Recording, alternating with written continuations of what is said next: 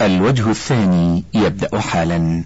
سؤال هل المؤمن يعمل المخالفات إرضاء للإمام وللناس أفضل أم لاتباع الكتاب والسنة لرسول الله صلى الله عليه وسلم؟ جواب يجب على المؤمن ترك هذه المخالفات ويجب عليه أن يتبع كتاب الله وسنة رسول الله صلى الله عليه وسلم. وهذا أمر معلوم وليس له طاعة الإمام ولا غيره في معاصي الله عز وجل. لقول النبي صلى الله عليه وسلم إنما الطاعة في المعروف. وقوله عليه الصلاة والسلام لا طاعة لمخلوق في معصية الخالق. وبالله التوفيق وصلى الله على نبينا محمد وآله وصحبه وسلم. سؤال هناك طريقة تسمى بالشاذلية. أصحابها لا يصلون ولا يصومون ولا يزكون. وهناك شخص يقولون عنه سيدنا يقولون إنه بمثابة ربهم وهو كفيلهم يوم الآخرة وهو غافر لهم كل شيء يعطونه في حياتهم الدنيا. وهؤلاء الناس يجتمعون صباح الاثنين والجمعة وليلة الاثنين والجمعة من كل أسبوع. وأبي يجبرني على هذه الطريقة ويغضب عندما يراني صائما أو أصلي. ويقول لي هذه العبارة إن سيدنا غافر لنا عن كل شيء ومؤمننا من عذاب النار. أي نحن من أصحاب الجنة حتما. وطبعا كلام خاطئ لأنه هو شخص مثلهم. فما أعمل؟ أرشدني. أعلم بأن الله ربي ومحمدا نبي الله ورسوله والإسلام ديني. وأقوم بأركانه الخمسة. إن أطعت أبي أكون بذلك قد خالفت أوامر خالقي. وقد قال سبحانه في كتابه ولا تقل لهما أف ولا تنهرهما. وإن لم أطعه بقي دائما غاضبا علي ومشاجري لكي أذهب معه على هذه الطريقة. علما بأنني لا أقدر على كسب المعاش لنفسي وليس في العائلة أحد مناصر لي سوى والدتي. ما العمل؟ أرشدني لكي أرضى به ربي وأتخلص من غضب والدي الذي لا يقتنع بالصلاة والصيام أو بالأصح بالدين الإسلامي المشروع بكافة الوسائل. جواب إذا كان الواقع كما ذكرت من أن والدك ومن معه في تلك الطريقة لا يصلون وأنهم يعتقدون أن سيدهم أو شيخهم بمثابة ربهم يكفل لهم الجنة ويغفر لهم كل ما عملوه من الشر فهم كفار. وإذا أمرك أبوك أن تكون معهم ونهاك عن الصلاة والصيام فلا تطعه فإنه لا طاعة لمخلوق في معصية الخالق. وامتثل ما أمرك الله به واجتنب ما نهاك عنه. وصاحب والديك في الدنيا بالمعروف عملا بقوله تعالى ووصينا الإنسان بوالديه حملته أمه وهنا على وهن وفصاله في عامين أن اشكر لي ولوالديك إلي المصير. وإن جاهداك على أن تشرك بي ما ليس لك به علم فلا تطعهما وصاحبهما وصاحبهما في الدنيا معروفا. واتبع سبيل من أناب إلي ثم إلي مرجعكم فأنبئكم بما كنتم تعملون. فكن مع المؤمنين الصادقين في اعتقاد ما شرعه الله وبينه رسوله صلى الله عليه وسلم وفي العمل بكتاب الله وسنة رسوله صلى الله عليه وسلم. وتحمل ما ينالك من الأذى في سبيل الله والتزام طريق من أناب إلى الله فإنه خير وأحسن تأويلا. وينبغي أن تفارقهم خشية أن يضلوك ونرجو أن يهيئ الله لك طريق الكسب الحلال الذي تعيش به. فإن الأرزاق بيد الله لا بيد والدك ولا غيره من العباد. وصلى الله على نبينا محمد وآله وصحبه وسلم. سؤال امرأة لها أب علم بأنها تحجبت عن الرجال فقطعها فما الحكم في ذلك؟ جواب إذا كان الواقع ما ذكر فلا يضرها قطع والدها لها. بل لا يجوز له ذلك لأن عملها طاعة لله وترك الحجاب معصية فلا طاعة لمخلوق في معصية الخالق وهو آثم فيما فعل هداه الله. وصلى الله على نبينا محمد وآله وصحبه وسلم. سؤال إذا أرادت فتاة أن ترتدي النقاب وهي قرأت أنه فرض ولكن والدها وأمها رفضا وقالا لها إن طاعتهما فرض أكثر من النقاب. فهل هذا حق؟ وهل معنى ذلك أن نتركها؟ وكيف الرسول يقول من رغب عن سنتي فليس مني. وأيضا إن كان واجبا فالواجب كالفرض في المذاهب الأربعة عدا مذهب الإمام مالك فهو يراه بين الفرض والنفل. فنرجو الإجابة فإذا كان فرضا فكيف أرتدي وأبي يهددني؟ بأنني لو ارتديت هذا النقاب لخلع عني الحجاب على الملأ لأن هذا النقاب سيثير الشبهة على إخوة الرجال. جواب طاعة الوالدين واجبة في المعروف وأما إذا أمر بمعصية فلا طاعة لهما لما ثبت من قول النبي صلى الله عليه وسلم إنما الطاعة في المعروف فالتزمي بالحجاب وحاولي إقناعهما. وتبيين الحكم لهما ولا تلقي بالا لتهديداتهما. واستعيني بالله سبحانه على ذلك ثم بالطيبين من أقاربك ينصحونهما لعل الله أن ينفعهما بذلك. وصلى الله على نبينا محمد وآله وصحبه وسلم. السحر. سؤال. هل السحر حرام؟ هذا مع العلم بأن الأكثرية من سكان جزيرة كواد لوب حيث أقيم يعتقد بالسحر وعلى سبيل المثال تأتي الفتاة بقطعة من ثياب شاب تحبه وتعطيها للساحر الذي يجعل الشاب يقع في حب هذه الفتاة أو بإمكان الساحر الماهر أن يمنعك عن لعب القمار أو التدخين فهل هذا صحيح؟ وهل يستطيع الساحر القيام بهذه الأعمال؟ جواب السحر هو كل ما دق ولطف وخفي سببه وهو أنواع مختلفة. وحكم الإقدام عليه يختلف باختلاف هذه الأنواع كما يختلف الحكم بوجود حقيقة له في الواقع وعدم وجودها باختلاف أنواعه. فيطلق السحر على الفصاحة وقوة البيان. فإن استعمل ذلك في إظهار الحق وإبطال الباطل فهو مشروع محمود وله تأثير في نفوس كل من ألقى السمع وهو شهيد. وإن استعمل السحر في التمويه على الناس وقلب الحقائق فهو ممنوع. وقد يبلغ درجة الكفر وله تأثير في كل من أعرض عن دينه واستكبر عن سماع الحق وقبوله. ويطلق على النميمة وهي من كبائر الذنوب إلا إذا نمى خيرا ليصلح بين الناس. ولها واقع وتأثير في نفس من أصغى إليه. ويطلق السحر أيضا على التخييل وإيهام الناظر إلى الشيء أنه يتحرك مثلا مع أنه لا يتحرك حتى يراه الحاضر رؤية وهمية تختلف عن حقيقته ويعتقد على خلاف واقعه. مثال ذلك ما فعله السحرة بمشهد من موسى عليه السلام وفرعون لعنه الله. ورميهم بالحبال والعصي. حتى خيل للحاضرين أنها تسعى مع أنها ثابتة لم تتحرك. فهذا لا حقيقة له بل هو إيهام وتدجيل. فالحبال والعصي لم تتحول عن حقيقتها. وإن رآها الناظرون في مرأى العين حيات تسعى. قال الله تعالى في ذلك يخيل إليه من سحرهم أنها تسعى. وقال سحروا أعين الناس واسترهبوهم. وهذا النوع من السحر حرام لما فيه من التمويه والتلبيس واللعب بالعقول. وقد يتخذ مهنة يكسب منها لمن يشتغل بها ويبتز أموال الناس بالباطل. وهو من أنواع الكفر الأكبر وهو سحر سحرة فرعون.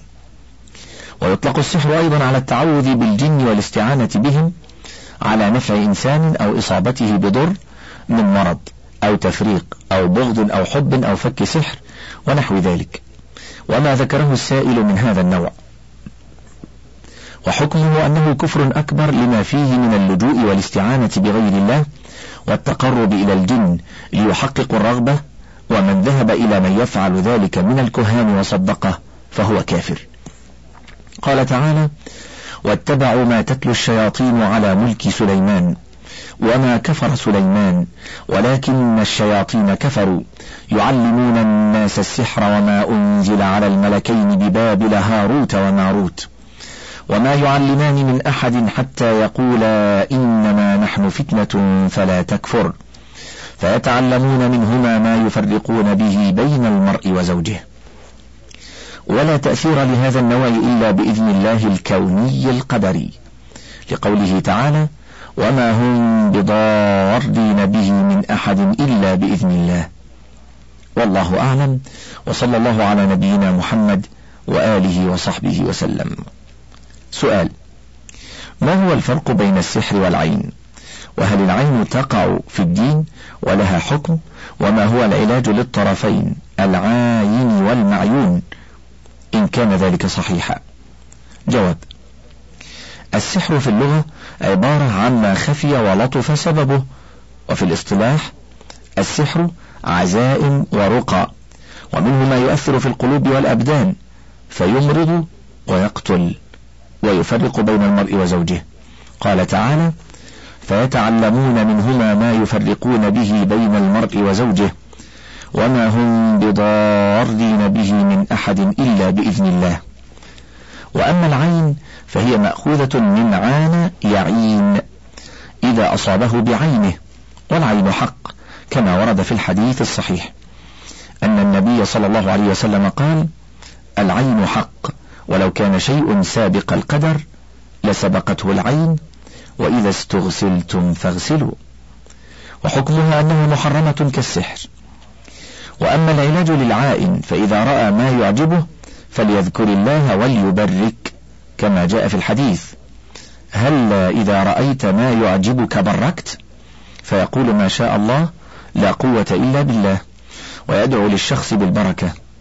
وأما المعيون فيحصن نفسه بالإيمان بالله والتوكل عليه وقراءة ورد من القرآن والأدعية المأثورة. وإذا علم المعيون من أصابه بعينه فإنه يشرع له أن يطلب منه أن يغسل وجهه ويديه وداخلة إزاره في إناء ثم يغتسل المعين بذلك لقول النبي صلى الله عليه وسلم وإذا استغسلتم فاغسلوا وصلى الله على نبينا محمد وآله وصحبه وسلم. سؤال يوجد عندنا في بعض القبائل اليمنية أنه إذا كبرت سن المرأة وأصبحت امرأة طاعنة في السن يعتقدون أنها إذا نظرت إلى الشاب أو الشابة أو الغلام ذكرا كان أو أنثى فإنها تقبض روحه وإذا شاءت أحيته من جديد. هل يوجد لهذا المعتقد سند من كتاب الله أو من سنة رسول الله صلى الله عليه وسلم؟ أو أحد من صحابة رسول الله؟ علما بأن المرأة المتهمة بهذا يخرجها ولدها أو من يعولها من منزلها. وترمى في الشموس المحرقة. علما بأن لديهم رجلا يأتون إليه بالنساء الطاعنات في السن فيحكم على من يشاء بالبراءة ويحكم على من يشاء بأخذ الأرواح. جواب لا نعلم لما ذكرت من فعل المرأة والرجل المذكورين أي أصل في الشرع المطهر ولا يجوز أن يعتقد وقوعه أصلا. لأن الموت والحياة بيدي الله سبحانه وتعالى. ولا يعلم الغيب سواه لقوله سبحانه قل لا يعلم من في السماوات والأرض الغيب إلا الله وما يشعرون أيان يبعثون.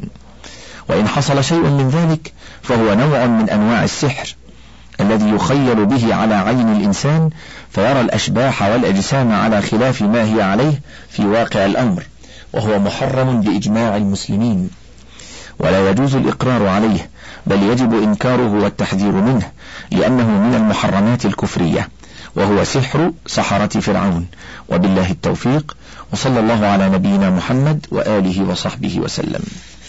سؤال ما المقصود بقوله تعلموا السحر ولا تعملوا به؟ لأن بعض الناس يقول إنه حديث ضعيف.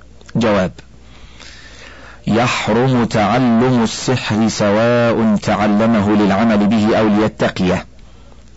وقد نص الله سبحانه في كتابه الكريم على أن تعلمه كفر فقال تعالى يعلمون الناس السحر وما أنزل على الملكين ببابل هاروت وماروت وما يعلمان من أحد حتى يقولا إنما نحن فتنة.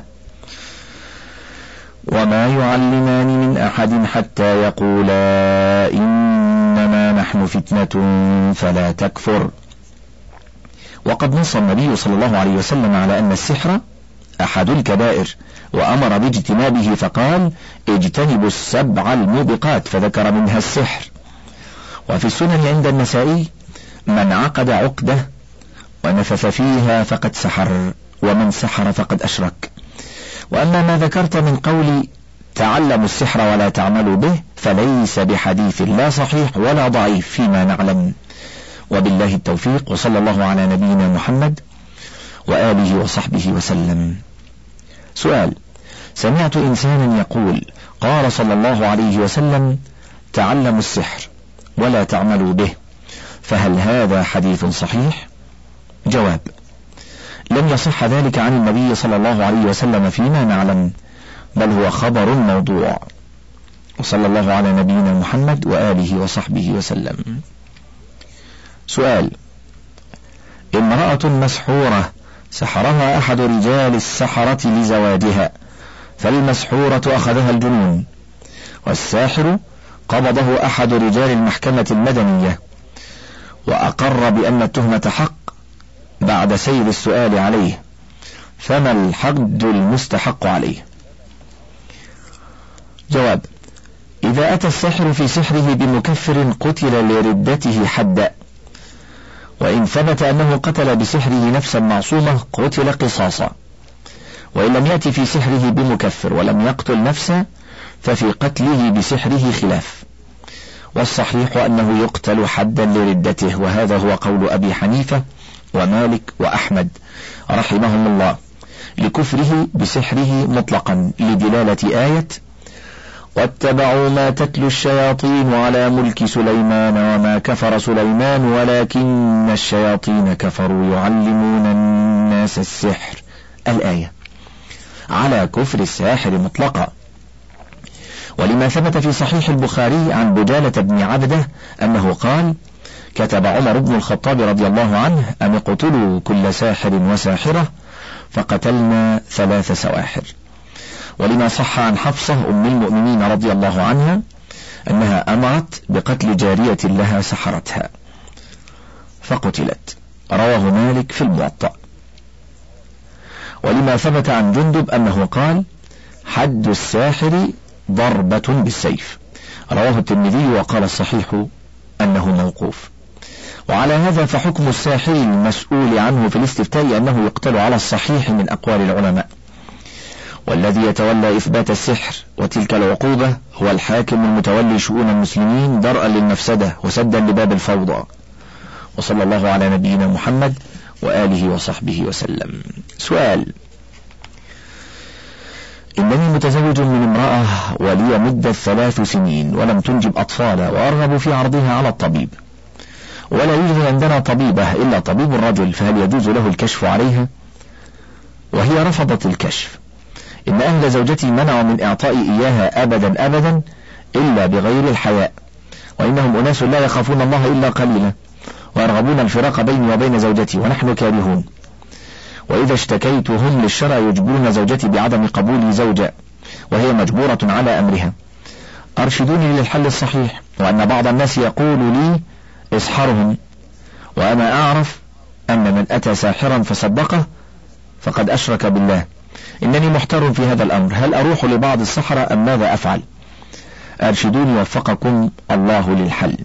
جواب يجوز أن تعرض نفسها على الطبيب المختص لمعرفة موانع الحمل إن لم يتيسر وجود طبيبة مختصة بشرط ألا يخلو بها. ثانيا ما بينك وبين أهلها من خلاف على نقلك لها منهم إلى مقر عملك فهذه من مسائل الخصومات التي يرجع فيها إلى المحاكم.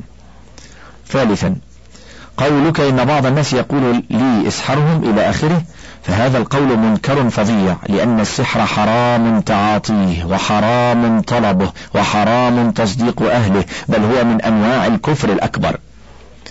لما ورد في ذلك من الأدلة الشرعية المبينة والتي تبين أن فعله وتعلمه كفر. ومن ذلك قوله تعالى واتبعوا ما تتلو الشياطين على ملك سليمان وما كفر سليمان ولكن الشياطين كفروا يعلمون الناس السحر وما يعلمون الناس السحر وما أنزل على الملكين ببابل هاروت وماروت.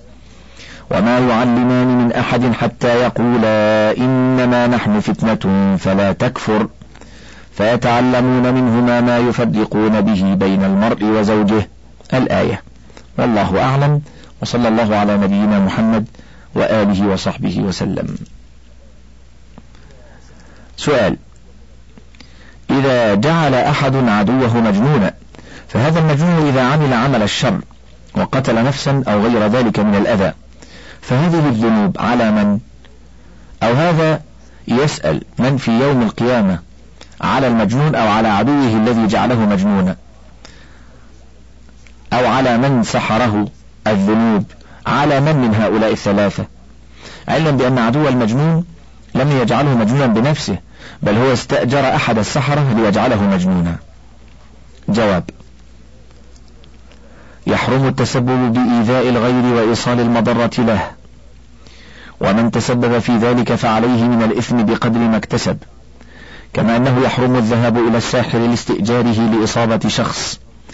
وفعل الساحر هذا يعتبر كفرا لقوله تعالى وما يعلمان من أحد حتى يقولا إنما نحن فتنة فلا تكفر فيتعلمون منهما ما يفرقون به بين المرء وزوجه. وما هم بضارين به من أحد إلا بإذن الله. وعليك التوبة والاستغفار وعدم الذهاب إلى الساحل مرة أخرى. وتجنب إيذاء الناس. وكلاهما آثم إثما عظيما. الساحر والمستأجر. وبالله التوفيق. وصلى الله على نبينا محمد وآله وصحبه وسلم. سؤال. رجل تزوج امرأة وهي في غاية المودة. وصادق المحبة. وبعد مدة أبغضته بغضة شديدة بلا سبب. وقد قيل إن هذا من فعل السحرة. وجاءه بعض الناس وأمره أن يذهب إلى شخص أرضي يعمل هذا العمل لكي يتغلب على ما مكروا فيه. وقال إن هذا يعتبر دفاعا ولحفظ زوجته. ومع الضرورة تباح المحظورات. وتوقف رجل لأنه يعتقد ذلك كفرا. فهل لرجل أن يدافع بالسحر لفك السحر إذا ابتلي به؟ أم يسلم الأمر ويصبر وهل يعد الدفاع رد كيد للاعتداء أم يعد كفرا جواب لا يجوز لك أن تذهب إلى ساحر من أجل أن يحل السحر الذي تجده في نفسك بسحر مثله. لعموم قوله صلى الله عليه وسلم ليس منا من تطير أو تطير له أو تكهن أو تكهن له أو سحر أو سحر له. رواه الطبراني عن عمران بن حسين وقال المناوي إسناده جيد ولقوله صلى الله عليه وسلم لما سئل عن النشرة هي من عمل الشيطان. رواه الإمام أحمد وأبو داود بسند جيد والنشرة هي حل السحر عن المسحور بالسحر. ويوجد من الأدعية والأدوية المشروعة ما فيه كفاية لإزالة هذا الداء. فعلى المسلم أن يعالج نفسه بما شرع الله من الأذكار والأدعية والأدوية الجائزة. وعليه أن يتقي الله في نفسه باتباع أمره واجتناب نهيه. ومن يتق الله يجعل له مخرجا. والله الموفق وصلى الله على نبينا محمد وآله وصحبه وسلم. سؤال من كان به سحر هل يجوز أن يذهب إلى ساحر ليزيل السحر عنه؟ جواب لا يجوز ذلك والأصل فيه ما رواه الإمام أحمد وأبو داود بسنده عن جابر رضي الله عنهما قال سئل رسول الله صلى الله عليه وسلم عن النشرة فقال هي من عمل الشيطان. وفي الأدوية الطبيعية والأدعية الشرعية ما فيه كفاية فإن الله ما أنزل داء إلا أنزل له شفاء. علمه من علمه وجهله من جهله. وقد أمر رسول الله صلى الله عليه وسلم بالتداوي ونهى عن التداوي بالمحرم. فقال صلى الله عليه وسلم تداووا ولا تتداووا بحرام. وروي عنه صلى الله عليه وسلم أنه قال إن الله لم يجعل شفاء أمتي فيما حرم عليها. وبالله التوفيق وصلى الله على نبينا محمد وآله وصحبه وسلم. انتهى الشريط الحادي عشر من كتاب فتاوى اللجنة الدائمة للبحوث العلمية والإفتاء. من جمع وترتيب الشيخ أحمد بن عبد الرزاق الدويش. المجلد الأول في العقيدة. وكنا مع الأسئلة المتعلقة بالسحر والرد عليها في حكم الساحر وحكم من يذهب إلى السحرة وحكم كذلك من يذهب إليهم لفك سحر بالاستعانة بسحر غيره ولا زلنا مع هذا الموضوع وله بقية على الشريط الثاني عشر.